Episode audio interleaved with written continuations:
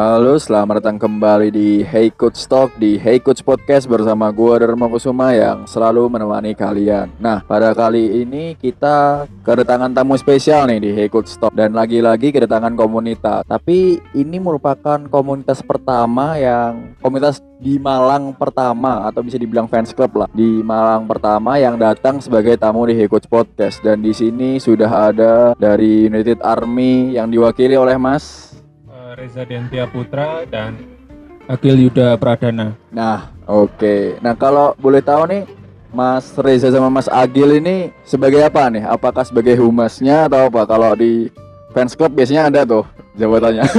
ya, kalau saya sendiri di sini sebagai wakil ketua dari United Oke, okay, wakil ketua. Kalau saya di UA ini sebagai di divisi futsal.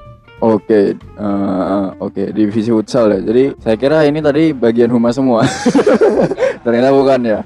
Nah, dan ini terhormat sekali ya ikut podcast langsung kedatangan wakil ketua nih Mas Reza. Tapi uh, sebelum ini nih saya dengar-dengar saya lihat United Army Malang ini membuka open recruitment bagi membernya. Iya. Ya, benar uh, ya. untuk di musim baru ini kami membuka member Uh, mungkin teman eh, teman-teman yang mau join juga bisa langsung mengunjungi di uh, Instagram United Army underscore Malang hmm. MLG bisa dikunjungi di sana. Mungkin info-infonya bisa diklik di sana ada adminnya juga. Hmm. Oke, okay, nah uh, bagi para pendengar ikut podcast nih yang berdomisili Malang ya terutama. Kalau yang di Aceh ya ikut United Army Aceh ya Mas ya. yang terutama domisili Malang merupakan fans Manchester United pengen gabung di United Army Malang silahkan langsung kunjungi di Instagramnya United Army underscore MLG ya mas. Iya benar. Nah itu dibuka mulai kapan dan ditutupnya sampai kapan tuh mas? Dibuka mulai tanggal 5 kemarin mm -hmm. sampai akhir bulan Oke. Satu bulan lah. Satu bulan ya. ya satu nah bulan. itu buruan lah bagi teman-teman yang pengen daftar, terutama yang di Malang sih. Ya, nah, nah tapi anggotanya sendiri sekarang berapa nih Mas United Army Malang sendiri? Uh, untuk saat ini untuk anggota dari United Army Malang sendiri ada kurang lebih 49 orang. 49 orang. Iya. Tapi kalau waktu futsal tuh kayaknya banyak nih yang non member ikut ya. Iya, kita masih untuk futsal futsal sebenarnya untuk free ya Mas. Kita masih hanya, free. Iya, masih free hanya untuk menjadikan wadah teman-teman aja sebenarnya. Iya, untuk olahraga juga ya. Iya. Nah, untuk fun futsal sendiri nih, kan Mas uh, Agil nih kan divisi futsal tuh. Iya. Itu biasanya hari apa tuh Mas? Untuk futsalnya biasanya di hari Kamis mulai pukul uh, eh, 7 malam sampai jam 9 malam. Oke, nah itu bagi para, jadi itu terbuka bagi semua ya mas? Terbuka. Nah, terbuka. Non member nah. bisa langsung. Nah itu kan sekarang lagi open recruitment, tapi dulu awal berdirinya Unit Army Malang nih mas. Kan kalau sekarang udah 40 berapa tadi tiga ya? 43 member, terus kalau dari kalau itu kan sekarang. Nah, ya. dulu awal berdirinya ini kapan dan gimana mas? Itu. Nah, untuk yang bisa menjelaskan. Nah, wakil ketua. Iya benar. Uh, Oke, okay, jadi ceritanya sebenarnya United Army, Army Malang ini udah berdiri dari tahun 2014. Dua, oh lama juga ya? ya uh. hampir mau enam tahun. Enam tahun, tujuh mm. tahun lah tahun 7, depan. Iya tahun depan. Ah, udah mau habis soalnya. Berdiri tanggal 13 Februari ya, tahun 2014. Mm. Nah itu sebenarnya uh, dari teman-teman sih teman-teman anak kuliah gitu loh ceritanya hmm. uh, kumpul-kumpul sama-sama seneng MU terus uh, salah satu kan emang pusatnya dari Jakarta dan hmm. ada teman dari Jakarta itu istilahnya punyalah kontak sama orang dari United Army Pusat yeah. akhirnya uh. berdirilah United Army Malang ini alhamdulillah ya sampai enam tahun berjalan ini adalah dikaliku uh. kepengurusan United Army Malang sempat naik turunnya gimana? Oh iya. Sempat susah juga. ya itu hal biasa ya di komunitas atau di fans klub bola sendiri kalau misalkan apa namanya ada lika-liku juga apalagi enam tahun bertahan menurut saya cukup panjang sih itu. ya, nah tapi kalau di awal kegiatan eh di awal berdiri sendiri apakah udah ada kegiatan-kegiatan seperti nobar dan lalu fun futsal dan kegiatan sendiri sampai sekarang nih apa mas? Kalau kegiatan yang rutin hmm. dari dari awal berdiri sampai sekarang itu yang rutin ya tetap hanya futsal dan hmm. uh, nobar itu aja. Yeah. Terus kalau yang di luar itu istilahnya kalau ada event-event sih sebenarnya kalau kayak lagi ulang tahun hmm. ya diadain lah seperti lomba PES gitu. Oh iya. Uh, futsal sesama United Army Malang. Jadi uh. MU sama MU ada hadiahnya. Iya iya. Iya. Yang rutin hanya nobar dan futsal saja. Sama futsal. Nah, tapi kalau ngomongin kegiatan nih, kegiatan di tengah pandemi ini kemarin, uh, kegiatan di tengah pandemi kemarin ini seperti apa, Mas? Apakah sempat tersendat atau jalan aja waktu itu? Dan sekarang sendiri gimana tuh? kalau uh, pandemi ini jadi kan pandemi di Indonesia dari awal tahun ya mas ya jadi uh, sempat awal tahun uh, nobar futsal itu sempat berhenti mm-hmm. jadi kebanyakan juga pengurus itu dari luar Malang sebenarnya oh iya uh, jadi hanya sebatas kuliah terus uh, jadi pengurus Malang United Arima Malang. Jadi pas pandemi gini pada balik. Dan ini juga baru awal-awal mendekati awal musim baru baru anak-anak dari United Army Malang baru balik ke Malang. Jadi ya futsal juga paling baru sebulanan ya. Nobar juga ya hmm. baru awal musim ini berjalan jadi. iya oh jadi baru-baru ini ini iya, mulai, mulai bangkit lagi, lagi kegiatannya iya. nah tapi kan tapi itu kan merupakan awal berdirinya United Army nih dan merupakan pengalaman yang merupakan naik turun. Nah, tapi kalau saya menanya pribadi dari Mas Reza dan Mas Agil nih, ngefans MU itu mulai kapan dan apakah ingat tuh pertandingan pertama apa? Uh, kalau Mas Reza dulu. Uh. Sendiri itu paling ingat, soalnya paling uh, langsung seneng banget gitu loh. Oh iya, apa tuh? Jadi matchnya itu pas uh, MU ketemu AS Roma. Tahun tahun 2007. 7. Uh. Jadi pas UCL bangun pagi-pagi sebenarnya bola itu di dari bapak sebenarnya hmm, sukanya. Iya. Terus diajakin dulu pas SD nonton lah MU sama Roma itu langsung menang 7-1 satu uh, waktu itu jadi langsung seneng karena uh, kebetulan seneng baju warna merah dulu hmm. pas juga MU wah, pakainya baju warna merah terus ada dikenalin sama ini loh pemain yang bagus dari MU kata hmm. bapak saya Cristiano Ronaldo terus hmm. ikut seneng nyari-nyari info terus akhirnya yeah. lama-lama jadi seneng sampai sekarang. Iya. Yeah. Ya kalau Mas Agil. Nah kalau saya ini sebenarnya sudah lupa ya. Saya nggak tahu sih untuk kenal MU itu mulai kapan.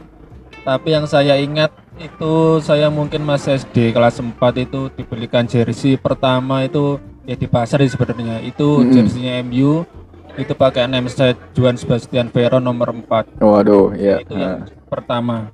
Mungkin untuk ya mungkin untuk kecil-kecil di hari-hari kecil emang suka bola. Mungkin tahu yang pertama mungkin ya di Liga Indonesia di Antv ya saat itu mungkin iya, main, uh. mungkin lihat lihat klub luar itu mungkin saat Piala Dunia 2006 ya mungkin itu yeah. untuk Piala Dunia 2006 itu mungkin uh, sudah masuk di dunia internasional lah untuk menyukai hmm. hal-hal sepak bola tapi untuk pastinya di MU ini kurang lebih uh, eh, SMP kelas 2 3 lah. Hmm. Oke, okay, kalau gitu momen apa yang paling diingat deh kalau misalkan pertandingan pertama nggak nggak ingat tuh?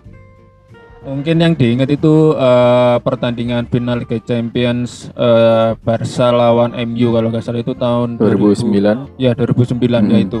Iya. Oh jadi yang diingat malah yang kalah nih kalau ya. yang diingat saat itu ya mungkin uh. pertandingan itu sih. Iya. Jadi kalau bagi para pendengar ikut podcast tadi apa kedengaran suara-suara knalpot yang cukup bising nih karena kita di luar ya Mas ya. di luar. Uh, tapi nggak masalah juga. Nah, kalau dari saya sendiri tuh mas, saya juga ingin cerita nih. Tapi sebenarnya para pendengar sendiri juga selalu ingat sih pertandingan pertama saya itu Chelsea MU 2005. Ya kalah juga sih pengalaman pertamanya. Yang di mana waktu itu rivalitas Jose Mourinho dan Sir Alex benar-benar panas tuh waktu dulu Chelsea MU. Tapi yang membuat saya jatuh cinta itu adalah permainan Ferguson yang dan permainan MU yang sangat menyerang. Nah kalau dari Mas Agil dan Mas Reza sendiri nih, Mas Agil dulu. Uh, yang membuat cinta sama MU ini apa? Apakah dari segi permainan atau karena kalau rata-rata biasanya yang ngefan pertama langsung pemain gitu. Nah kalau dari Mas Agil? Uh, mungkin yang pertama karena ya sama seperti Reza tadi dia hmm. me memberikan kalau suka MU itu dari warna merah saya pertama juga okay. dari warna uh. merah itu dan yang kedua itu ya mungkin tentang juara karena di berita-berita di spot tujuan nah. dan lain-lainnya mungkin ada headline mesti MU yang selalu juara yang selalu muncul lah iya nah kalau dari Mas Reza tadi ya warna merah itu tadi juga apakah itu aja kalau yang lain alasannya ya dari berita-berita sebenarnya hmm. jadi udah dikasih tahu sama bapak juga kalau MU tuh dulu uh, ya waktu masih zaman Sir Alex Ferguson suka hmm. juara ya Liga Inggris juara uh, yeah. pernah juara Liga Champion tahun 99 gitu. Iya. Yeah. Treble ya. gitu. ya. Jadi diceritain jadi makin uh, suka sama MU. Itu sih kalau dari saya. Oke, okay, iya. Kalau ya memang dulu Sir Alex ini sangat mengerikan ya. Uh, merupakan salah satu pelatih legend dan memiliki kelebihan dan kekurangan. Nah, Tentunya sekarang sudah berbeda nih, Bu. Sir Alex tidak lagi melatih MU dan sekarang adalah Ole Gunnar Solskjaer yaitu yang pencetak gol yang tadi di 99 ya. ya. Treble winner 99. Nah, Sir Alex Ferguson juga memiliki kelebihan tersendiri, ya kan. Nah, tapi kalau dari Mas Agil nih, untuk sekarang Ole ini kelebihannya apa? Apakah memiliki kelebihan? Uh, mungkin tuh kelebihannya sebenarnya dari segi strategi ya strateginya menyerang seperti Vergi cuma yang membedakan Ole ini adalah uh, salah satu pemain yang masih apa ya masih mendewakan salah satu pemain bintang mm-hmm. itu saya lihat di saat ini tuh Ole masih apa ya masih berada di zona nyaman dia tidak berani uh. Jika keluar di zona nyaman contohnya mereka uh, si Ole ini tidak pernah uh, su, apa tidak pernah mencadangkan pemain bintangnya yang benar-benar pada saat pertandingan itu benar-benar flop. Oke. Okay. Contohnya yang Maguire, De Gea. Uh, De Gea. Sampai saat ini pun pemain-pemain ini selalu menjadi starter. Hmm. Uh, untuk catatan sebenarnya untuk Maguire, Maguire itu dari bulan Maret sampai sekarang itu selalu menjadi starter. Iya benar. Hmm. Dan mungkin itulah yang menjadi uh, alasan ber, uh, kenapa performanya itu sangat menurun. Hmm. Itu menurut saya. Ya Tapi itu, kalau kelebihannya sendiri apa mas? Tadi kan kayak kekurangan nih malah. kalau kelebihannya tadi untuk strateginya lebih oh, ke menyerang. Strateginya menyerang. Hampir sama hmm. lah untuk Sir apa Sir Alex Ferguson. Hmm. Strateginya lebih ke menyerang sebenarnya. Oke. Okay. Nah kalau dari Mas Reza, apakah kelebihannya sama atau ada hal lain lagi nih?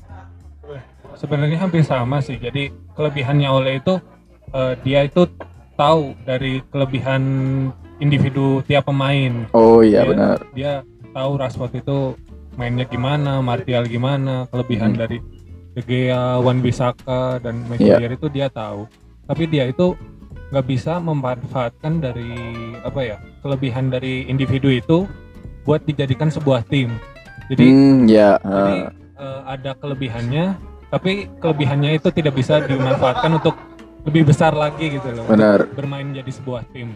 Hmm. Jadi ada kelebihan tapi ke kekurangannya juga hampir sama gitu. Oh iya.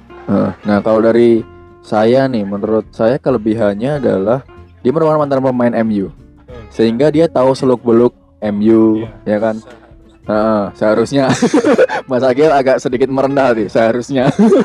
nah, terus habis itu dia le- le- merupakan pelatih mantan pemain MU, artinya dia lebih direspek oleh pemain MU, ya kan kalau kita lihat mungkin ya kita juga nggak tahu di locker room seperti apa cuma kemungkinan seperti itu karena apabila melihat dari auranya dia lebih di respect oleh para pemain Apakah MU. penting sosok pelatih itu merupakan mantan pemain MU atau sebuah klub? Uh, menurut saya sebenarnya nggak penting sih untuk gak mantan penting. pemain itu untuk dijadikan uh, pelatih di klub yang dia bela sebelumnya hmm. di masa lalu.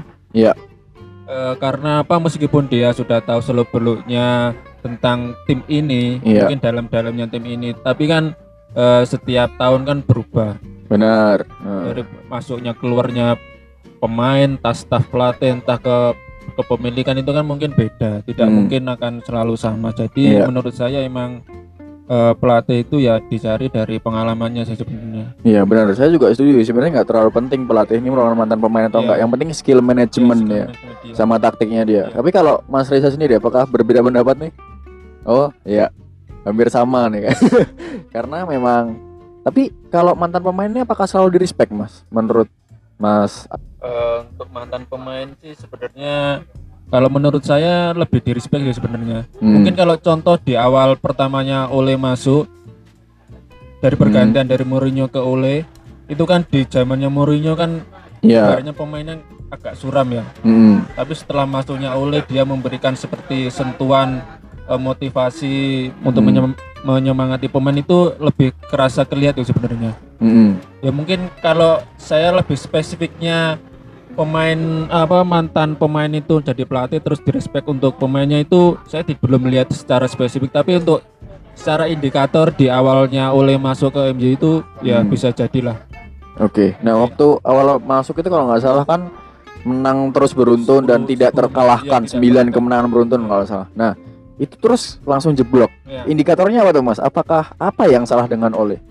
Nah sebenarnya mungkin ya ini kalau menurut hmm. saya yang salah itu bagaimana Oleh tidak bisa uh, membangkitkan mentalitas dari pemain MU karena menurut saya pemain uh, mental pemain MU sejak ditangani David Moyes sampai sekarang Oleh menurut hmm. saya emang buruk sih sebenarnya untuk secara hmm. mental tapi untuk secara individu secara tim MU itu sebenarnya nggak nggak kalah untuk komposisi pemain dan Bener. pelatih dan strategi sebenarnya nggak kalah. Iya. Tapi kalau menurut saya itu memang mentalnya agak jelek.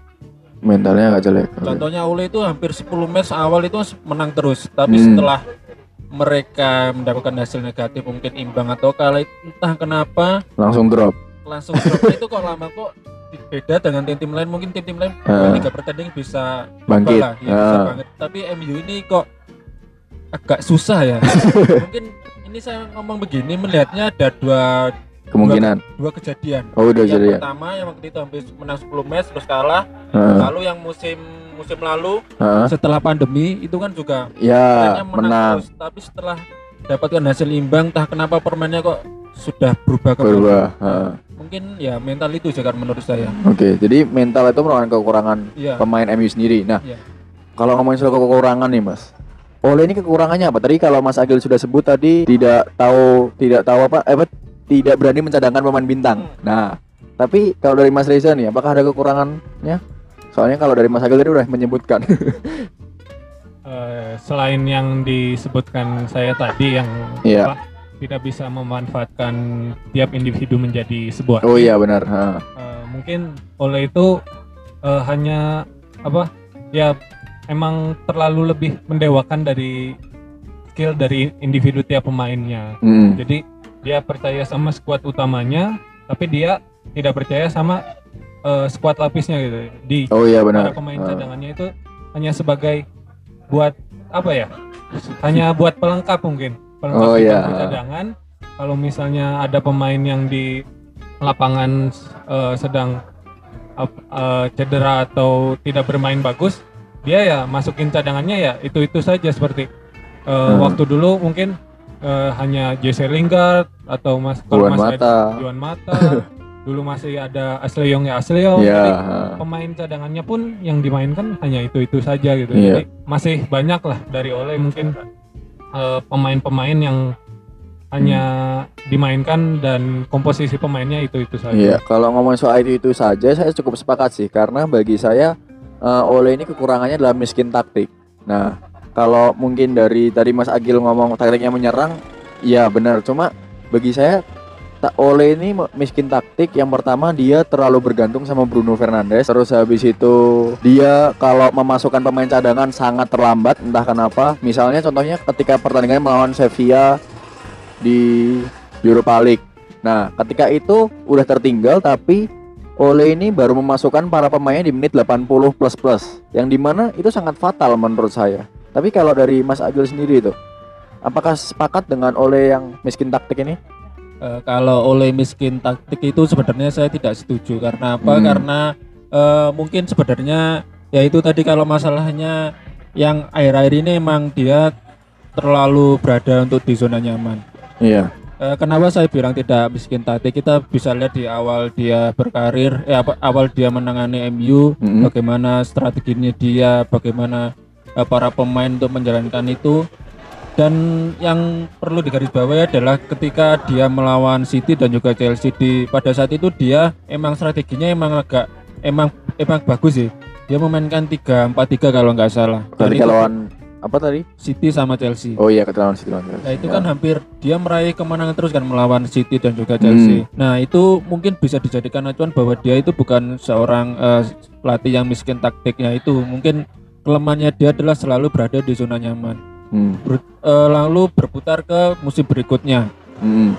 Dia selalu memakai strategi yang sama dengan pemain pemain komposisi yang itu itu aja. Iya benar. Terutama Bruno. Hmm. Itulah kenapa kalau menurut saya seharusnya Ole itu kan harus berani merotasi lah, ibaratnya mengganti pemain-pemainnya. Karena kalau semua apa ya apa yang namanya yang di cup di Karabau seperti FA Iya, mainin kalau, Bruno terus. Iya, kalau pemainnya ya hanya 11 tim itu aja karena menurut saya ya agak hmm. susah karena yeah.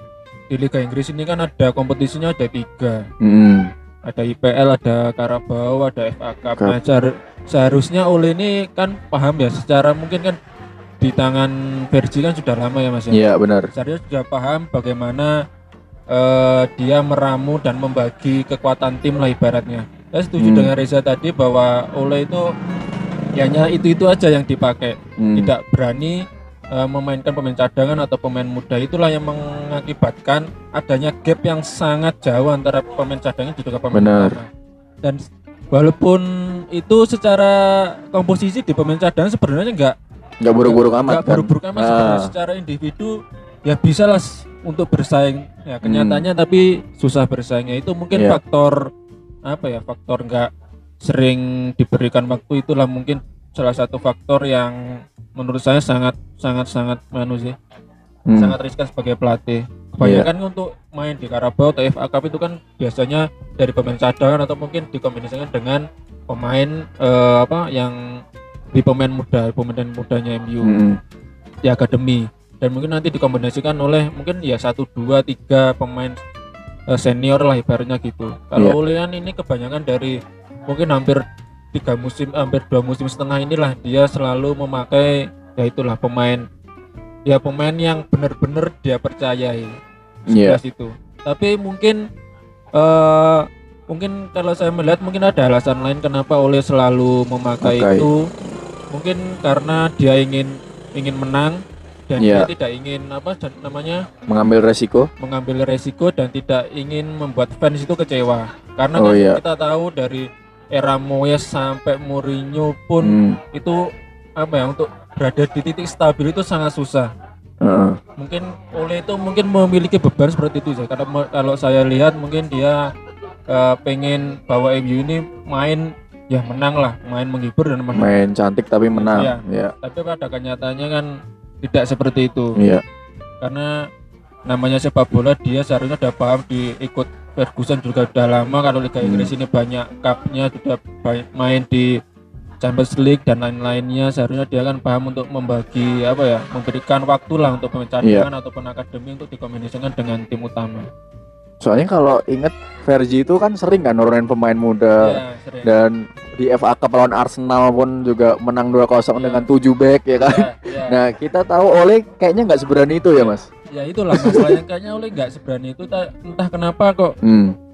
Seperti itulah mungkin kalau terus-terusan ya mungkin bisa out sih kalau Oleh iya, terus-terusan tidak berani. Karena pelatih kalau menurut saya ya harus berani mengambil keputusan. Benar kalau nah, semua diambil ini contohnya kalau musim lalu kan semua dari Karabau sampai FA itu kan pemainnya kan hampir sama mas ya iya benar hampir uh. sama itulah dan hasilnya pun mungkin mentok-mentok semifinal itu uh. langsung kalah Iya. Karena karena apa ya? Karena kelelahan. Jelas kelelahan pemain. karena untuk main di PL, main di Karabau, main di FA Cup itu yeah. juga juga jauh. Jadi ya hmm. menurut saya itulah. Iya. Mungkin masalah itu. Hmm. Nah, tapi uh, entah kenapa baik Mas apakah Mas-mas para Mas Reza dan para Mas Reza lagi, Mas Reza dan Mas Agil ini apakah setuju kalau Ole ini terlalu bergantung dengan Bruno Fernandes? Benar. Benar. Iya. Jadi entah kenapa sistemnya dia cuma satu dan itu bergantung dengan Bruno Fernandes, ya kan Mas? Iya, karena dia hmm. kalau se saya lihat ya mungkin di di match-matchnya itu emang dia memang, memang membutuhkan playmaker. Iya benar dan itu pun belinya waktu di bulan Januari ya mungkin hmm. itulah mem, itu kan sebenarnya targetnya kan udah lama ya Bruno iya dari tapi, musim panas ya, kan musim hmm. panas tapi waktu terrealisasinya itu kan pada Januari ya mungkin bisa mendapatkan efek lah saat itu untuk hmm. Bruno. Tapi kan pemain kan tidak hanya Bruno yang benar. uh. di ada juga Juan Mata sebenarnya juga bisa dengan playmaker dan lain-lainnya. Tapi entah kenapa kok Ole selalu bergantung kepada Bruno. Bruno Fernandes. Iya. Ya mungkin itulah, mungkin karena visi misinya dia saat main di Sporting Lisbon juga baik, mungkin hmm. uh, Ole kepincut dan emang strateginya Ole emang membutuhkan seorang playmaker. Seorang playmaker.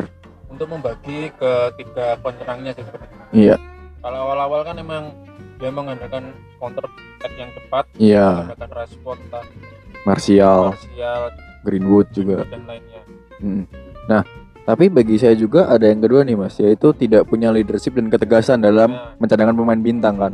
Kita lihat De Gea berkali-kali misalkan membuat blunder di press conference tuh oleh selalu ngomong De Gea tetap nomor satu, De Gea kiper utama kita, ya kan. Ya. Dan selalu dia bilang ngomong fantastik, padahal permainan jelek pun dia ngomong fantastik. Ya. Terus Bruno yang udah mulai unstable ini udahan itu tidak mau diturunkan. Ya. Maguire juga seperti itu. Kira-kira apakah Mas Reza dan Mas Agil ini setuju? Saya sangat setuju sih kalau itu. Iya. Karena gini untuk kita lihat untuk beda antara era Vergi dan setelah pelatih apa setelah eranya Vergi itu pelatih-pelatih yang lain hmm. ya itulah apa bahwasanya Vergi itu emang tangan besi dia sangat Benar. tegas terhadap pemain pemain siapa pun itu tidak pandang bulu entah itu pemain bintang atau pemain apa kalau memang jelek dan tidak bisa ibarat nggak bisa diatur ya ya udah mending keluar. Mungkin itulah salah satu kunci sukses dari seorang Vergi dan yang membedakan pelatih-pelatih setelahnya. Karena menurut saya Vergi itu sebenarnya pelatih biasa. Untuk secara strategi pun sebenarnya juga nggak kaya kaya amat. Lawan Pep yeah. Roberto Mancini pun juga disikat habis sama mereka. Hmm. tapi yang harus digarisbawahi adalah bagaimana Vergi itu memang membutuhkan pemain yang benar-benar baik untuk MU dan untuk dia. Benar di lapangan. Karena jika ada pemain yang ibaratnya sudah merasa dewa ya dia akan ditendang sama yeah. Persi. Contoh saja Beckham sekarang kurang uh. kurang bagus apa Beckham secara skill, secara permainan Benar. itu kurang apa tapi pada kenyataannya Vergi pun dia hmm. membuang dia. Uh. Ruth Van Nistelrooy pun yeah. bahkan juga dibuang ya kan. Ruth Van Nistelrooy juga dibuang. Uh. Mungkin inilah yang membedakan untuk di pelatih-pelatih sekarang terutama di MU. Mm. Ya terutama di Ole karena menurut saya Ole itu enggak nggak bisa seperti Verdi sih. Hmm. Untuk strategi mungkin hampir sama, tapi untuk secara ketegasan mungkin sangat beda jauh. Benar. Inilah yang mengakibatkan pemain-pemain itu merasa di atas angin. Karena kalau misalnya gini, wah saya kok mainnya biasa aja nggak apa-apa lah nanti toh juga pelatih akan memasang Benar. saya. Kurang lebihnya seperti itu. Contoh aja Maguire. Hmm. Maguire itu uh, ancur-ancuran gak jelas sama sekali. saya harus sebagai kapten pun nggak ada so seperti apa ya sosok-sosok leadership yang lainnya lah uh. mungkin jika ada yang crash atau mungkin pemain yang posisinya sudah out dia pun juga mungkin diam saja kalau hmm. nggak hmm. percaya dilihat di match terakhir lawan Tottenham Tottenham, uh, Tottenham. sangat di, sangat terlihat jelas bahwasannya si Maguire ini sangat egois dan tidak percaya dengan temannya hmm.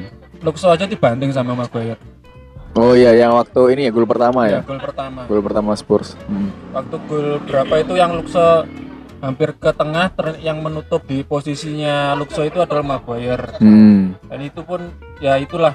Dan juga di semifinal FA Cup waktu lawan Chelsea, Bailey hmm. juga disundul sama dia. Iya. Itulah. Sampai cedera kan? Ya, sampai cedera itulah yang saya lihat bahwa Maguire ini emang hmm. salah satu pemain apa ya? Ya egois, yeah. dia nggak percaya sama rekan setimnya lah ya menurut hmm. saya itu adalah salah satu ketidakpercayaan dia saat bermain sih yeah. itu menurut, menurut saya sangat riskan bahwasanya dia terus dimainkan sama sang hmm. pelatih menurut saya ya emang harus dicadangkan agar dia apa ya merasa apa merasa apa ya memberikan shock effect ya, lah shock effect kepada sang hmm. pemain karena kalau ya itu kalau diberikan kesempatan terus kan ya gimana? Ini kan yeah. sebesar MU bukan bukan klub kemarin sore. Jadi ya harus ada hmm. shock efeknya juga. Nah kalau Mas Reza apakah ada tambahan? Uh, mungkin uh, hampir sebagian besar sama lah dengan Mas Agil. Iya. Yeah. jadi uh, harus oleh itu harus tegas. Uh, mungkin hampir banyak uh, istilah yang hampir sama kayak semua klub tidak ada pemain besar dibandingkan yeah. dengan sebuah hmm. nama klub. Hmm. Jadi pelatih maupun pemain itu harus menganggap uh, klub itu klub yang dibelanya itu dengan sungguh-sungguh gitu. Hmm. Gak ada uh, dia main jelek, ah saya main jelek pun nggak apa-apa minggu depan pun saya bakal main benar nggak nggak harusnya nggak tidak boleh uh, pemikiran seperti itu gitu benar. dia pemain hmm. harus kalau sudah diberikan kepercayaan ya harus main totalitas gitu. Hmm. Jadi ya uh, dari pemain dan oleh pun sebenarnya masih banyak uh, belum ada apa ya komunikasi yang lebih lebih intens gitu. Jadi hmm. uh, permainan ya akhirnya hancur lagi, hancur lagi dan hancur yeah, lagi. Iya, yeah. Nah, kalau ngomongin soal hancur lagi nih. Kan musim ini oleh mencoba memperbaiki kehancuran itu dengan mendatangkan bukan oleh si MU untuk mendatangkan pemain seperti Van de Beek, Cavani dan Alex Telles. Nah, tanggapan dari Mas uh, Mas Reza dulu nih. Untuk Donny van de walaupun Donny van de Beek ini belum main sebagai starter cuma sekali lawan ini ya di Carabao Cup ya. Nah, itu tapi bagi Mas Reza sendiri nih, Donny van de Beek ini seperti apa ataukah cocok di MU dan bagaimana nih untuk sampai saat ini Donny van de Beek? Kalau penilaiannya sih dari apa ya? Sebenarnya permainannya hampir sama dengan Bruno. Jadi tipikal yang apa suka main satu dua gitu, suka hmm. maju ke depan untuk membantu penyerangan. Yeah. Nggak, nggak takut juga untuk mundur ke belakang bantu pertahanan juga hampir sama permainannya Bruno dan Van de Beek tapi ya hmm. uh, sepertinya Van de Beek ini masih ya wajar lah main, adaptasi uh, adaptasi uh. dari Liga Liga Belanda dan Liga Inggris kan permainan berbeda. beda hmm. jadi kayaknya ya bertahap lah untuk Donny Van de Beek bisa langsung klop dengan permainan, permainan MU. MU. Hmm. Nah kalau dari Mas Reza, eh Mas Agil sorry, Untuk apa nih Mas Van de Beek tadi? Oh, tanggapannya untuk Van de Beek nih, apakah Mas Agil udah melihat kelebihan dan kekurangan Van de Beek atau bagaimana selama di MU ini? Mungkin untuk secara keseluruhan saya belum bisa melihat ya karena hmm. uh, Van de Beek ini kan baru mainnya juga inter, internasional break kemarin sama Belanda ya. Karena yeah. kan Liga Belanda sudah sudah vakum dari bulan Maret ya karena pandemi. Hmm. Jadi waktu main pun juga waktu lawan Belanda eh, apa membela timnas. Hmm dan juga awal apa pramusim lawan Aston Villa di MU jadi kalau menurut saya masih belum bisa dilihat sih Oh masih belum bisa dianalisa ya. Iya, tapi secara kalau dilihat dari permainan dia di Ajax, ya hmm. menurut saya seharusnya sih cocok dengan kriteria strategi yang uh, dijalankan oleh karena dia salah satu pemain yang suka mencari ruang, suka bermain satu dua, yeah. bermain bermain dengan cepat. Sebenarnya untuk tipikal seperti Bruno pun juga enggak sih sebenarnya kalau ya, bener. Van de Beek itu iya. karena dia bukan playmaker murni ya bener. karena dia salah satu pemain yang menurut saya pintar mencari ruang aja sih sebenarnya untuk Van de Beek oke okay, positioningnya aja iya. ya nah kalau bagi saya saya juga sepakat sih dengan Mas Agil dan kurang setuju dengan Mas Reza yang Donny van de Beek ini mirip dengan Bruno karena uh, kalau Bruno itu kan stylish ya, stylish, playmaker ya. yang stylish. Jangan Bruno ini merupakan playmaker bukan playmaker, posisi nomor 10 yang attack midfield lah, midfield lah yeah. yang memiliki work rate dan fighting spirit yang tinggi. Kalau saya lihat di Ayak karena waktu Karabau saya jujur nggak nonton karena cuma Karabau gitu. nah, masa rela-relain begadang demi Karabau kan. nah, itu kalau di saya lihat pemain di Ayak tuh seperti itu, yaitu dia seorang uh, gelandang serang tengah peng, tipe penghancur. Kalau mungkin bisa dilihat seperti Roberto Pereira atau Arturo Vidal di Juventus. Kalau dulu dan di Ayak pun seperti itu. Nah, dan dia pun tenang. Merupakan pemain yang cukup tenang. Terlihat waktu di Karabau saya lihat highlightnya uh, Donny van de Beek ini kak, tapi ada bilang fans MU yang mirip Paul Scholes. Itu apa setuju? Kalau saya sih nggak setuju sih. Iya makanya makanya ada fans MU yang komen ini mirip Paul Scholes ya. ya saya sih cuma bisa ketawa ya. Karena udah kelasnya udah beda Paul Scholes. Nah, tapi dia tenang ya dalam membawa bola dan tapi ini positifnya yang saya lihat adalah sebagai pesaing Pogba. Oh, iya, Jadi Pogba ini posisinya dulu kan kalau musim lalu terutama dia kayak ten Pogba main jelek atau enggak itu pun tetap dipasang oleh Ole dan sekarang minimal Pogba udah mulai deg-degan nih udah ada Donny van de Beek ya, ya kan karena Pogba sendiri saya tidak terlalu impress dengan permainannya karena dia tidak tahan pressing itu ya. apakah setuju mas? Ya, saya setuju. terlalu uh, memperlambat tempo ya, permainan MU. Tempo. Nah itu Terus tapi kekurangan dari Donny van de Beek sendiri bagi saya adalah visi dan visi passing dan dribblingnya ini cukup kurang bagi saya. Iya, kurang. Uh, dia kadang dribblingnya tidak terarah, Maka itu positioning ini cukup tepat. Ya, Saya setuju dengan Mas Agil. Ya, karena itulah mungkin uh. dia mencari sudah tahu kelemahannya mencari. Ya, benar. Mungkin, mungkinnya di situ mungkin. Iya. Nah itu sih. Dan kalau bagi Mas Agil dan Mas Reza nih, adaptasi Van de Beek ini nanti apakah secepat apa atau mungkin akan lambat? Apanya nih Mas? adaptasinya Beek di Inggris atau di MU? Uh, eh, kalau menurut saya sih sebenarnya seharusnya cepat sih untuk hmm. untuk strateginya Ole ini saya membicarakan di Ole ya. Hmm. Untuk di Ole seharusnya cocok sih untuk strategi cocok. mainnya cepat dan menyerangnya si Ole ini. Karena ya itu tadi karena dia sering mencari ruang untuk ke depannya juga bagus. Ya hmm. mungkin uh, untuk defense-nya aja sih mungkin yang agak agak kurang. Iya, defense-nya kurang. Hmm. Nah, kalau dari Mas Reza, apakah cepat atau lambat? Kalau dari saya sendiri mungkin uh, kayaknya tergantung dari olehnya sendiri. Mau Karena masang atau enggak? Mau masang atau tidaknya. benar benar. Semakin pemain dicadangkan, uh. mainnya pun uh, di menit menit akhir kayaknya ya nggak berguna juga gitu loh. Benar. Iya. Uh. Itu kayaknya kurang. Iya. Ya, oleh mau nggak mau ya kalau mau mainin Van de Beek dengan kualitasnya seperti di Ayak ya harus sering sering dimainkan lah. Benar. Nah, tapi kalau ini tadi ngomongin adaptasi cepat atau lambat nih dan ngomongin soal cepat, MU ini dengan cepat di deadline transfer langsung memasukkan dua pemain lagi yang kita bahas yaitu Cavani dan Alex Telles. Nah, kalau dari Mas Risa dan Mas Agil nih, apakah setuju dengan mendatangkan Cavani walaupun free transfer ya? Untuk Cavani ini sepertinya kalau saya pribadi sih masih 50-50 sih. Masih 50-50. Ya. Kenapa tuh? Karena 50-50-nya apa? Karena menurut saya ya untuk mencari mungkin pelapisnya Marcel itu ya nggak harus pemain kayak lah mungkin ya masih pemain-pemain yang muda lah mungkin di umur-umur 25 tahun. Hmm. Seharusnya masih bisa untuk dibuat ke jangka panjang ya Benar. tapi tapi mungkin emang ini uh, emang kebutuhan aja sih untuk yeah. karena nggak di detailan juga sekarang mencari pemain yang berkualitas juga sangat sulit hmm. harganya pun juga mahal mungkin Benar. itulah yang sekarang agak emang semua klub agak bingung untuk mencari pemain berkualitas nah untuk Cavani untuk nilai plusnya mungkin ya bisa lah untuk membuat si Marcel itu bisa lebih bekerja keras lagi untuk Benar. Dengan apa untuk bersaing dengan Cavani lah ibaratnya. Iya.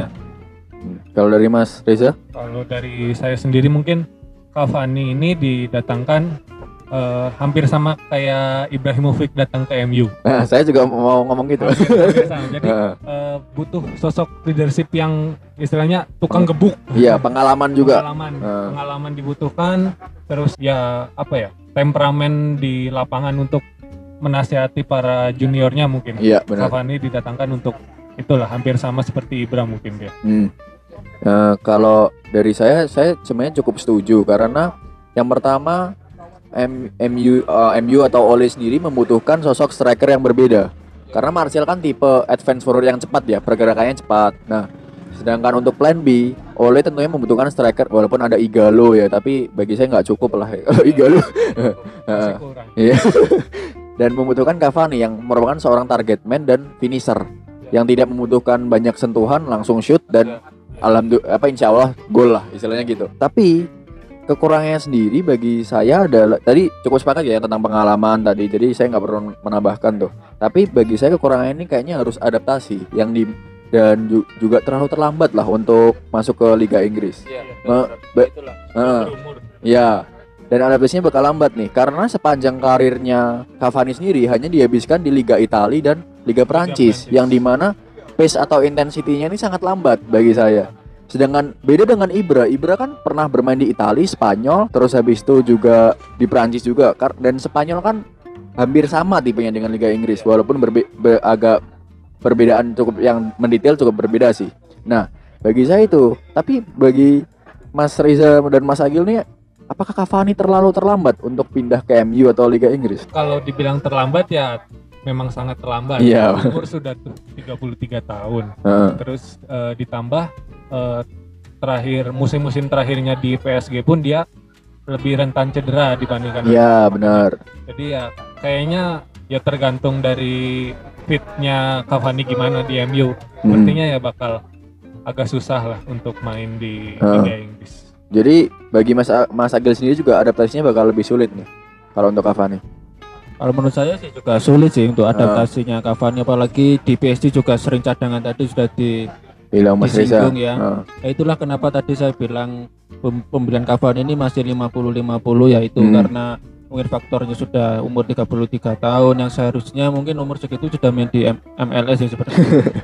sudah untuk ikut di Liga Inggris mungkin nggak bisa kompetitif seperti waktu dia umur mungkin 25 masih 27 itu mungkin masih Bener. bisa. Kalau hmm. sudah di ketiga ini menurut saya ya mungkin jatuhnya nanti kayak Ibra sih karena di, kita tahu di Liga Inggris itu bagaimana intensitas mainnya sangat cepat, sangat main fisik. Ya hmm. menurut saya agak sulit sih untuk Cavani yeah. adaptasi di MU. Hmm.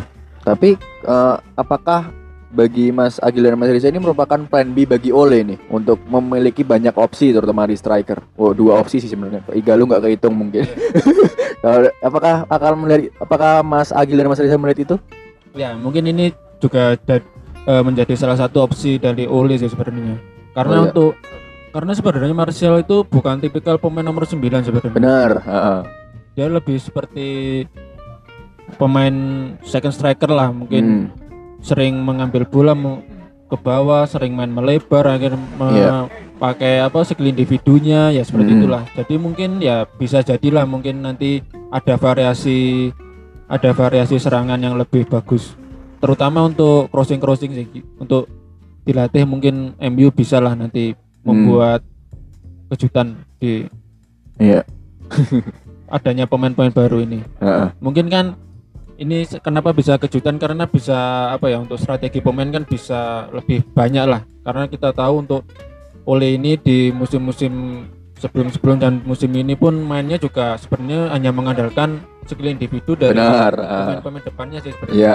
Uh crossing crossingnya pun sangat jarang menghasilkan gol itu sangat Benar. harus diakui sebenarnya. Ya, ya. Mungkin dan datangnya Cavani yang mungkin memiliki postur yang tinggi ya, seharusnya bisa lah untuk ada opsi strategi lain mungkin dengan crossing ya. Dengan crossing hmm. tidak hanya dengan main cepat counter aja. Iya. Nah, kalau ngomongin soal crossing tadi tuh ada back kiri yang ditangkap dengan crossing yang bagus yaitu Alex Telles. Alex Telles. Nah, nah, kalau bagi Mas Agil sendiri apakah setuju dengan kedatangan Alex Telles ini membeli Alex Telles ini? Untuk pembelian Alex Telles sepertinya sih setuju sih karena setuju. Uh, si Luxo ini sudah emang ancur-ancuran emang kalau menurut saya. Uh. Setelah cedera patah tulang itu eh, patah kaki itu emang mainnya emang agak sudah hancur lah bisa dibilang. Uh. Gak seperti dulu lagi. Ya mungkin pembelian Alex Telles ini bisa lebih apa menutupi sisi kiri dari MU sih. Karena hmm. dia di Porto juga asisnya juga banyak, banyak. crossing crossingnya juga bagus. Tapi hmm. yang perlu digarisbawahi apakah nanti dia bisa beradaptasi dengan baik di Benar. di Inggris sih. Karena hmm. kita tahu di mungkin di Liga Portugal sama Inggris mungkin agak beda. Beda, ya. beda. Hmm. Secara permainnya ya. Kita tahu di Liga Portugal ada pur, apa ada Dalot dulu yang ditransfer ke MU. Uh Itu pun juga mainnya juga biasa gagal. aja, juga gagal sih. Ya mungkin semoga aja si Alex Telles ini bisa lebih baik lah. Yeah. Karena dilihat dari statistiknya pun bagus-bagusnya Alex Telles pun ya main di Porto sih. Dulu kan sempat main di Galatasaray juga main di Inter Milan pun hancur-hancuran main di Inter Milan tuh sebenarnya. yeah. Ya semoga aja nanti bisa adaptasinya lebih bagus ya. Hmm. Nah, kalau dari Mas Reza? Kalau dari saya sendiri mungkin uh, Alex Telles ini mungkin apa ya didatangkan untuk menjadi saingan daripada Luxau. Hmm. Kan kita lihat sendiri kalau back kiri untuk uh, gantiannya Luxau ini kan hanya Brandon Williams. Itu Benar. Kan, Brandon Williams kalau menurut menurut saya uh, masih sangat kurang bertahan, masih kurang menyerang yeah. pun menyerang pun sebenarnya bagus. Dia punya apa ya visi misi untuk menyerang itu hmm. keren hmm. lah. Yeah. Tapi kalau udah disuruh umpan itu aduh, susah banget. Kayak lambat juga lambat ya. Lambat juga. Temperamennya udah bagus. Ya. Iya iya. Uh. Tapi kalau Alex Telles ini melihat di Porto untuk musim-musim terakhir ini ya asisnya lumayan oke okay, untuk hmm. kadang dia juga mencetak gol. Benar. Jadi kayaknya uh, untuk uh, jadi saingannya Luxau sih sebenarnya. Iya. Nah, iya kalau dari saya cukup sepakat ya karena Alex Telles ini merupakan sosok apa fullback yang teknikal dia memiliki kecepatan crossing terus long shotnya juga bagus beberapa beberapa kali dia mencetak gol lewat luar kotak penalti ya si Alex Telles ini terus habis itu juga dia memiliki fighting spirit yang paling utama dan work rate dalam bertahan. Tapi ya sayangnya tadi harus beradaptasi.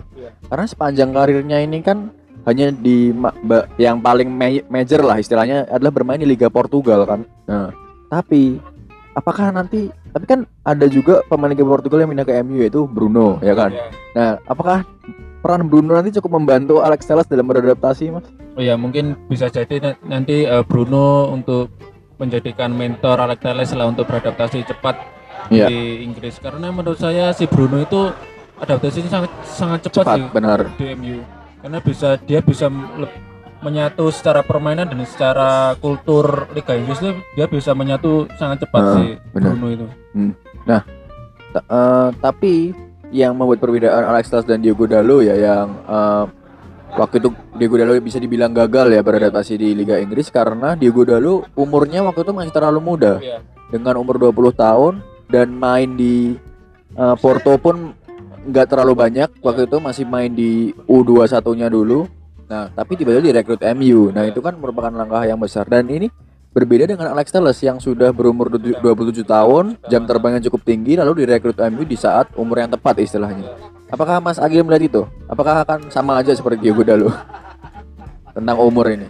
Mungkin untuk secara umur mungkin beda ya karena Dalot kan uh, yang sudah dibilang Masnya agak muda, uh. jadi mungkin agak susah. Mungkin kalau Sales-Salesnya sudah 27 tahun, juga sudah empat tahun di Porto, juga sudah pernah juara. Mungkin hmm. ya pengalamannya mungkin bisa lah. Benar. Sales ini uh. bisa membawa Inju lebih baik lagi. Iya. Nah, uh, kan deadline di, di transfer sendiri kan sudah tutup tuh, yeah. ya kan. Tapi apakah Mas Agil dan Mas Reza ini memiliki pemain uh, memiliki idaman pemain yang pengen didatangin sama MU nih harusnya. Apakah ada Mas yang diharapkan datang waktu itu? Waktu Sa kemarin deh enggak waktu itu. Seharusnya uh. yang datang ya Sancho sebenarnya. Sancho. Ya. Uh. Eh, kenapa tuh Mas kok Sancho? Karena banyak fans MU juga yang bilang ini harganya kemahalan, terus overrated juga. Iya. Uh. Mungkin tuh harga emang sangat sangat kemahalan menurut saya. Uh, benar. Tapi mungkin untuk secara secara skill individu secara kualitas sih Sancho cocok sih untuk main di skemanya oleh skemanya oleh karena yang dia cepat ya yang cepat hmm. yang suka memakai winger emang mainnya. Uh ya, menurut saya emang cocok seharusnya emang si Sancho ini emang yang yang Sancho. Ya apakah ada lagi atau hanya Sancho saja? Sancho dan back sih sebenarnya tapi kalau back kan apa ya agak susah sih kalau back. Siapa kemarin? Back? Skriniar pernah diincar Upamecano, Upamecano ya. Upamecano salah satunya. Mungkin itu sih yang seharusnya hmm. mungkin bisa datang tapi ya tapi ya itulah kita harus sadari manajemen MU emang agak uh. agak begitulah. Iya. Mintanya apa, datangnya apa.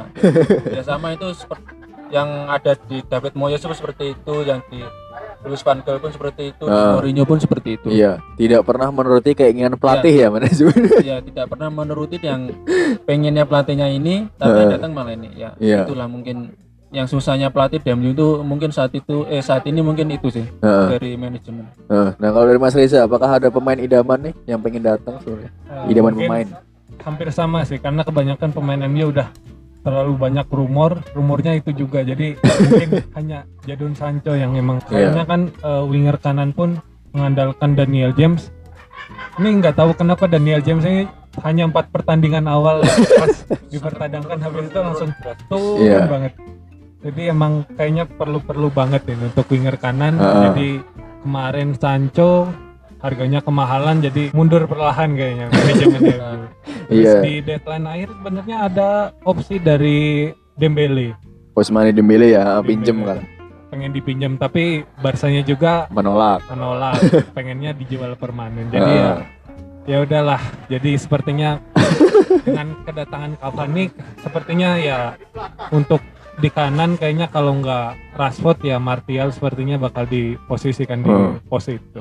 Iya, tapi saya ingin menanggapi kenapa Daniel James itu hanya empat pertandingan saja. Karena dalam empat pertandingan awal, Daniel James ini dimainkan di posisi kiri, yang di mana itu posisi terbaik Daniel James. Ketika di Swansea City, dia bermain di sisi sayap kiri. Terus ketika mencetak gol di dua gol di awal apa namanya pertandingan MU itu di sisi kiri. Ketika Rashford berada di striker. Yeah. Nah, terus sekarang entah kenapa oleh kesurupan apa dipindah ke kanan, yang di mana berkali-kali dimainkan juga jelek juga menurut saya.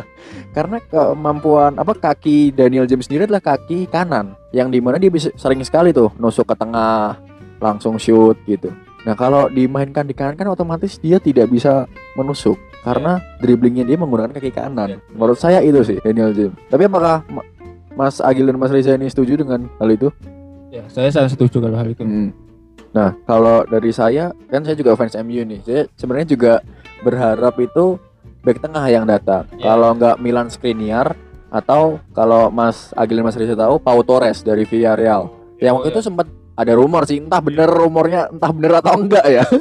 Karena kadang media itu rumornya MU kadang nggak beneran gitu loh sama lah. Media luar sama di sini kalau nggak itu nggak makan.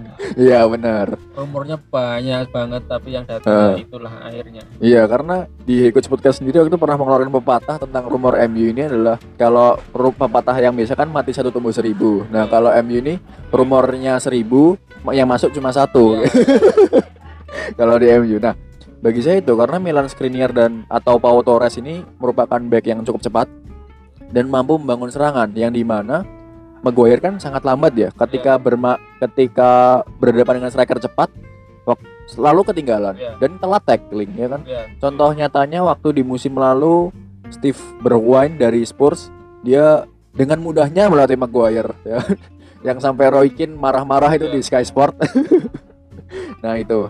Dan di lini tengah sendiri sebenarnya saya itu menginginkan kalau Mas Agil Mas tahu Ricky Puig dari Barcelona. Nah, yang oh, gelandang tengah mudanya itu karena bagi saya sosok kreatifnya di MU itu di, di gelandang tengah ya terutama itu hanya Pogba saja kan Bruno di gelandang serang tengah. Ya. Nah itu bagi saya hanya Pogba saja dan tidak punya opsi lain. Ya, nah, nah untuk sayap kanan sendiri sebenarnya saya tidak terlalu setuju dengan Sancho ya karena saya juga sering nonton Bundesliga dan Sancho ini terlalu inkonsisten bagi saya dan kenapa di Bundesliga ini eh, eh kenapa Sancho bisa dribbling skill individu di Bundesliga? Karena Bundesliga itu entah kenapa permainannya mem mem membuka space yang terlalu panjang atau terlalu luas. Dengan di Inggris nggak bakal bisa seperti itu karena permain pema, apa klub kan sering pressing, langsung main fisik dan di Bundesliga tidak seperti itu gitu loh. Dan saya lebih setuju MU ini merekrut pemain RB Leipzig yaitu Marcel Sabitzer. Nah, itu bagi saya lebih ke situ sih karena dia memiliki crossing yang bagus terus bisa menusuk juga serba bisa juga Marcel Sabitzer ini gitu. Nah kalau pemain yang didatangkan pemain yang diharapkan datangkan itu tuh. Dan nggak mungkin juga datengin terus dan harus membuang. Nah kalau ngomongin pemain yang dibuang nih walaupun transfer udah tutup ya transfer window ya tapi pemain yang diharapkan dibuang ini sebenarnya siapa kalau dari Mas kalau Agil. saya sih yang pasti Phil Jones harus keluar sebenarnya.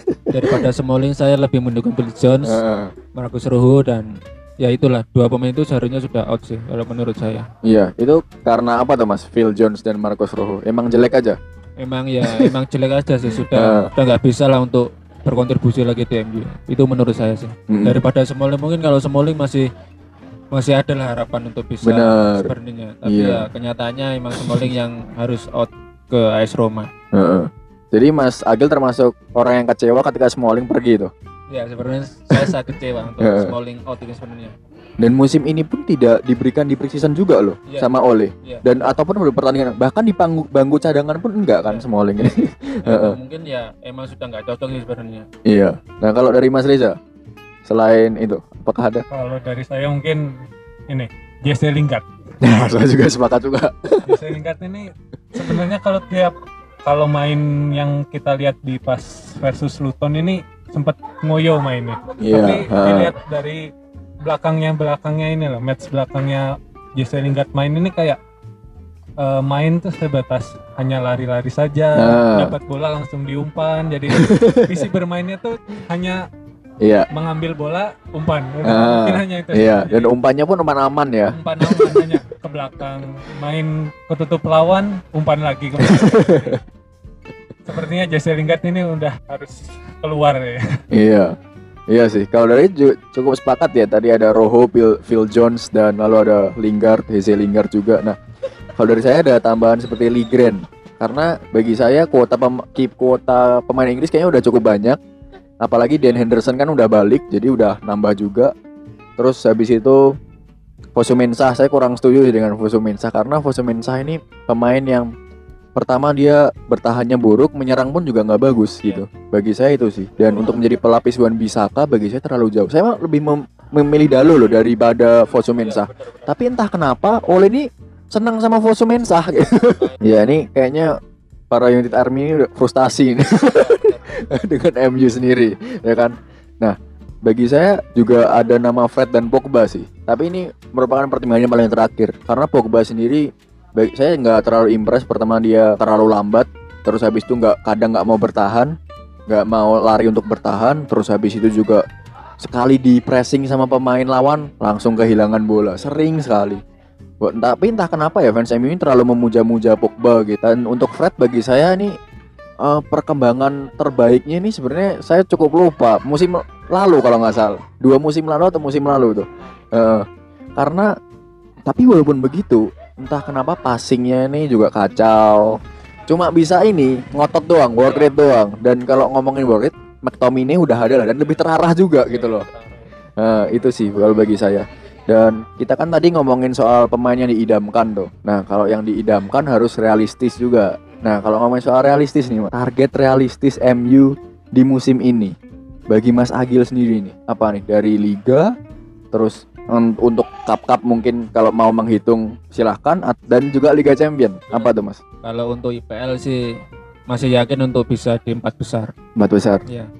Kalau Champions League ya mungkin lolos fase grup pun masih masih untung lah MU karena menurut grup neraka ya. bisa dibilang grup neraka lah MU ini.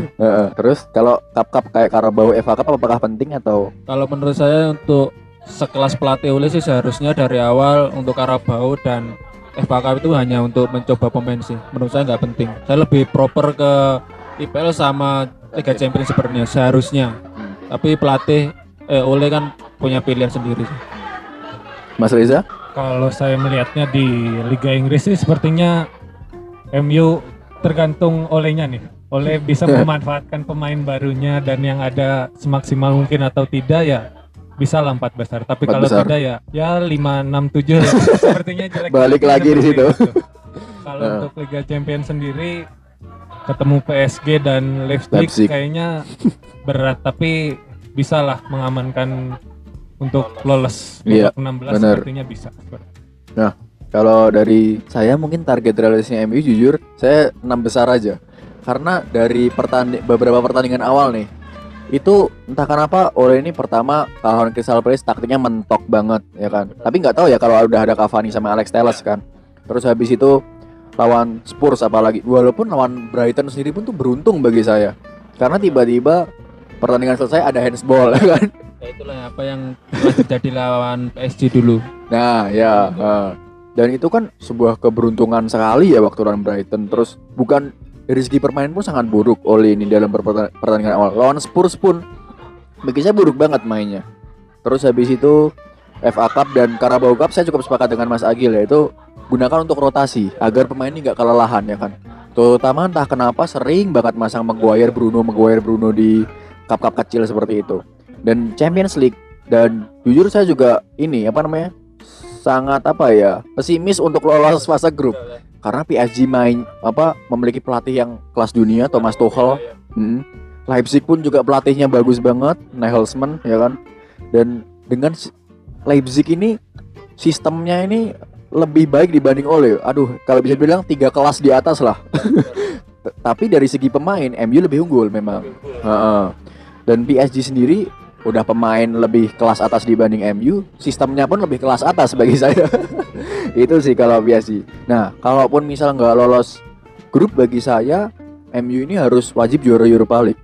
Ya, nah itu untuk masuk champion karena ya. saya cukup pesimis MU ini uh, finish di empat besar. Tapi kalau dari Mas Agil sendiri, kalau misalkan nggak lolos champion, champion ini apakah setuju dengan juara Europa League? Saya setuju seharusnya ya MU bisa lah untuk juara Europa League. Hmm. Mungkin seharusnya musim lalu pun seharusnya juga bisa untuk juara sih.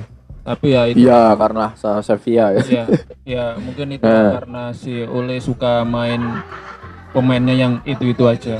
Iya. Ya, mungkin ya itulah. Eh. Nah kalau dari Mas Reza nih, apakah sepakat juga? Kalau sepakat sih sebenarnya uh, agak nggak sepakat. Jadi hmm. tim sebesar MU seharusnya bisa lah, harus lolos, lolos dan juara Liga Champions itu sebetulnya itu harus ya iya. bagi sebuah klub besar seperti uh. MU. Tapi ya memang kenyataannya pemainnya dan adalah rintangan yang besar. Nah, benar, benar. Jadi, uh, tahun 2017 seperti yang pas juara Europa League juga itu kan hmm. uh, dari manajemen MU dan Mourinho kan pengennya di Liga Champions. Jadi mau yeah. mau harus juara Europa League ya akhirnya uh. bermain ngotot sampai final akhirnya juara. Hmm. Jadi sepertinya ya memang kalau tersingkir pun ya memang harus harus juara, juara Europa League. Europa. League. Mau nggak mau harus juara yeah. untuk berada di UCL terus. Uh. Karena kalau dilihat di Champions League sendiri di grup neraka ini ya, walaupun nanti lolos, mungkin nih MU jadi peringkat dua aja karena kemungkinan pertama bakal kalah away ini minimal nih minimal ya. Bakal kalah away lawan PSG dan bakal kalah away lawan Leipzig ya kan? Walaupun nanti di home bisa menang minimal juga nih. Itu mentok-mentok udah peringkat dua menurut saya. Dan di peringkat dua nanti di 16 besar drawingnya pasti kalau peringkat dua fase grup kan bakal lebih sulit tuh. Iya, entah nanti lawan Bayern Barca. Dan mentok-mentok nanti tersingkirnya di 16 besar lagi. Iya. bagi saya sih seperti itu ya. Makanya saya lebih optimis untuk juara Europa League tuh. Nah, itu kan yang diharapkan tuh. Tapi untuk musim ini nih bagi Mas Reza dan Mas Agil, hal yang harus diperbaiki oleh MU ini apa selain dari segi taktikal dan dari segi hasil ataupun dari segi pemain tuh? Bagi Mas Agil dan Mas Reza. Kalau dari Apakah? segi saya hmm? emang yang paling penting sih emang kayaknya harus taktik dulu sih. Taktik. Taktik dan okay. motivasi ke pemain sepertinya hmm. boleh dan pemain MU pun emang harus menaikkan motivasi dari diri sendiri juga. Benar. Ya. Meningkatkan permainan. Jadi paling penting sih sepertinya itu. Iya. Paling penting untuk yang hmm. pertama. Hmm. Nah, kalau dari Mas Agil? Kalau dari saya itu yang paling penting adalah mentalitas sih sebenarnya.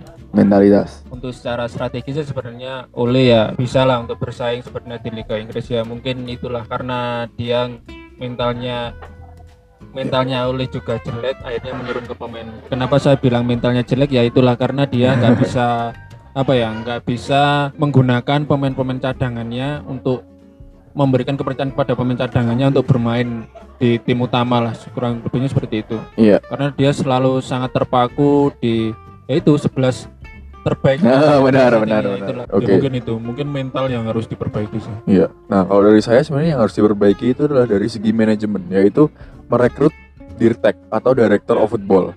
Karena nah, banyak orang yang ngomong apa namanya kan klub Inggris nggak butuh itu. Nah ini kata siapa juga? Karena Liverpool pun sudah mulai berbenah. Yeah. memiliki Michael Edwards terus Manchester City yang tetangganya MU sendiri. Mereka itu Siki Bergstein. Chelsea sendiri juga punya. Everton pun sekarang punya. Dan terbukti hasil-hasilnya pun dan hasil mendatangkan pemain cara bernegosiasi pun lebih smooth dan mudah dan incarnya pun selalu tepat gitu loh. Dan kalau kita lihat seperti Liverpool bisa merekrut Andrew Robertson ya kan? Terus habis itu beberapa pemain yang cukup sukses ya bisa dibilang. Dan negonya entah kenapa dapatnya murah. Seperti Thiago Alcantara itu bagi saya harganya seharusnya enggak 20 juta loh itu. Ya, 30 kan apal iya 3 uh, terus sekarang jadi 20 dan bagi saya Thiago Alcantara itu yang lebih cocok seharga ya. Sancho 120 ya. karena dia gelandang yang udah terbaik di dunia ya untuk saat ini bagi saya. Nah itu ini adalah pembenahan yang diperlukan karena jangan sampai final decision ini ada di Ed Woodward ya, yang mementingkan bisnis. Kita tahu lah tim scoutnya MU itu sebenarnya bagus. Contohnya MU ternyata pernah melewatkan Alfonso Davies. Itu sebenarnya tim scoutnya bagus, cuma final decision kan di Ed Woodward. Ini yang sulit sih menurut ya, saya. Ya, itu yang susah. uh, kalau tim scoutnya udah menyarankan pemain-pemain bagus, terus habis itu Ed Woodwardnya nggak setuju demi segi bisnis, ini kan juga susah juga gitu loh. Bagi saya sih itu sih.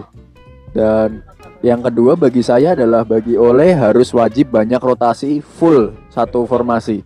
Yang di mana harus memiliki ketegasan seperti tadi menjadikan pemain bintang. Minimal nyadangin De Gea dulu lah yeah. untuk berani. Karena kasian juga Dan Henderson udah main bagus-bagus cuma dimainkan di Karabau ya bagi saya itu sih. Nah tapi kalau dari Mas Agil dan Mas Reza nih apakah ada tambahan lain? Ya, mungkin kurang lebihnya seperti itu sih ya udah cukup jadi ya, semua ya, cukup, ya. nah oke okay. nah bagi para pendengar Hikots Podcast nih yang domisili Malang saya kita ingatkan lagi ya Mas ya, ya untuk U United Army sekarang lagi open recruitment member ya. uh, dan bisa daftar di Instagramnya Mas di at United Army underscore MLG. Oke, dan di situ kita bisa mendapatkan keuntungan yang banyak ya yeah. untuk menjalin silaturahmi sebagai fans MU sejati. MU sejati, ya benar. Iya, nah kalau dari dari saya sudah cukup, dari Mas Risa dan Mas Agil sudah cukup. Jadi gue Dharma Kusuma signing out, Mas Agil dan Mas Risa say goodbye. Sampai jumpa di episode Hey Coach Talk dan episode Hey Coach Podcast lain berikutnya. Goodbye. Okay. Ya.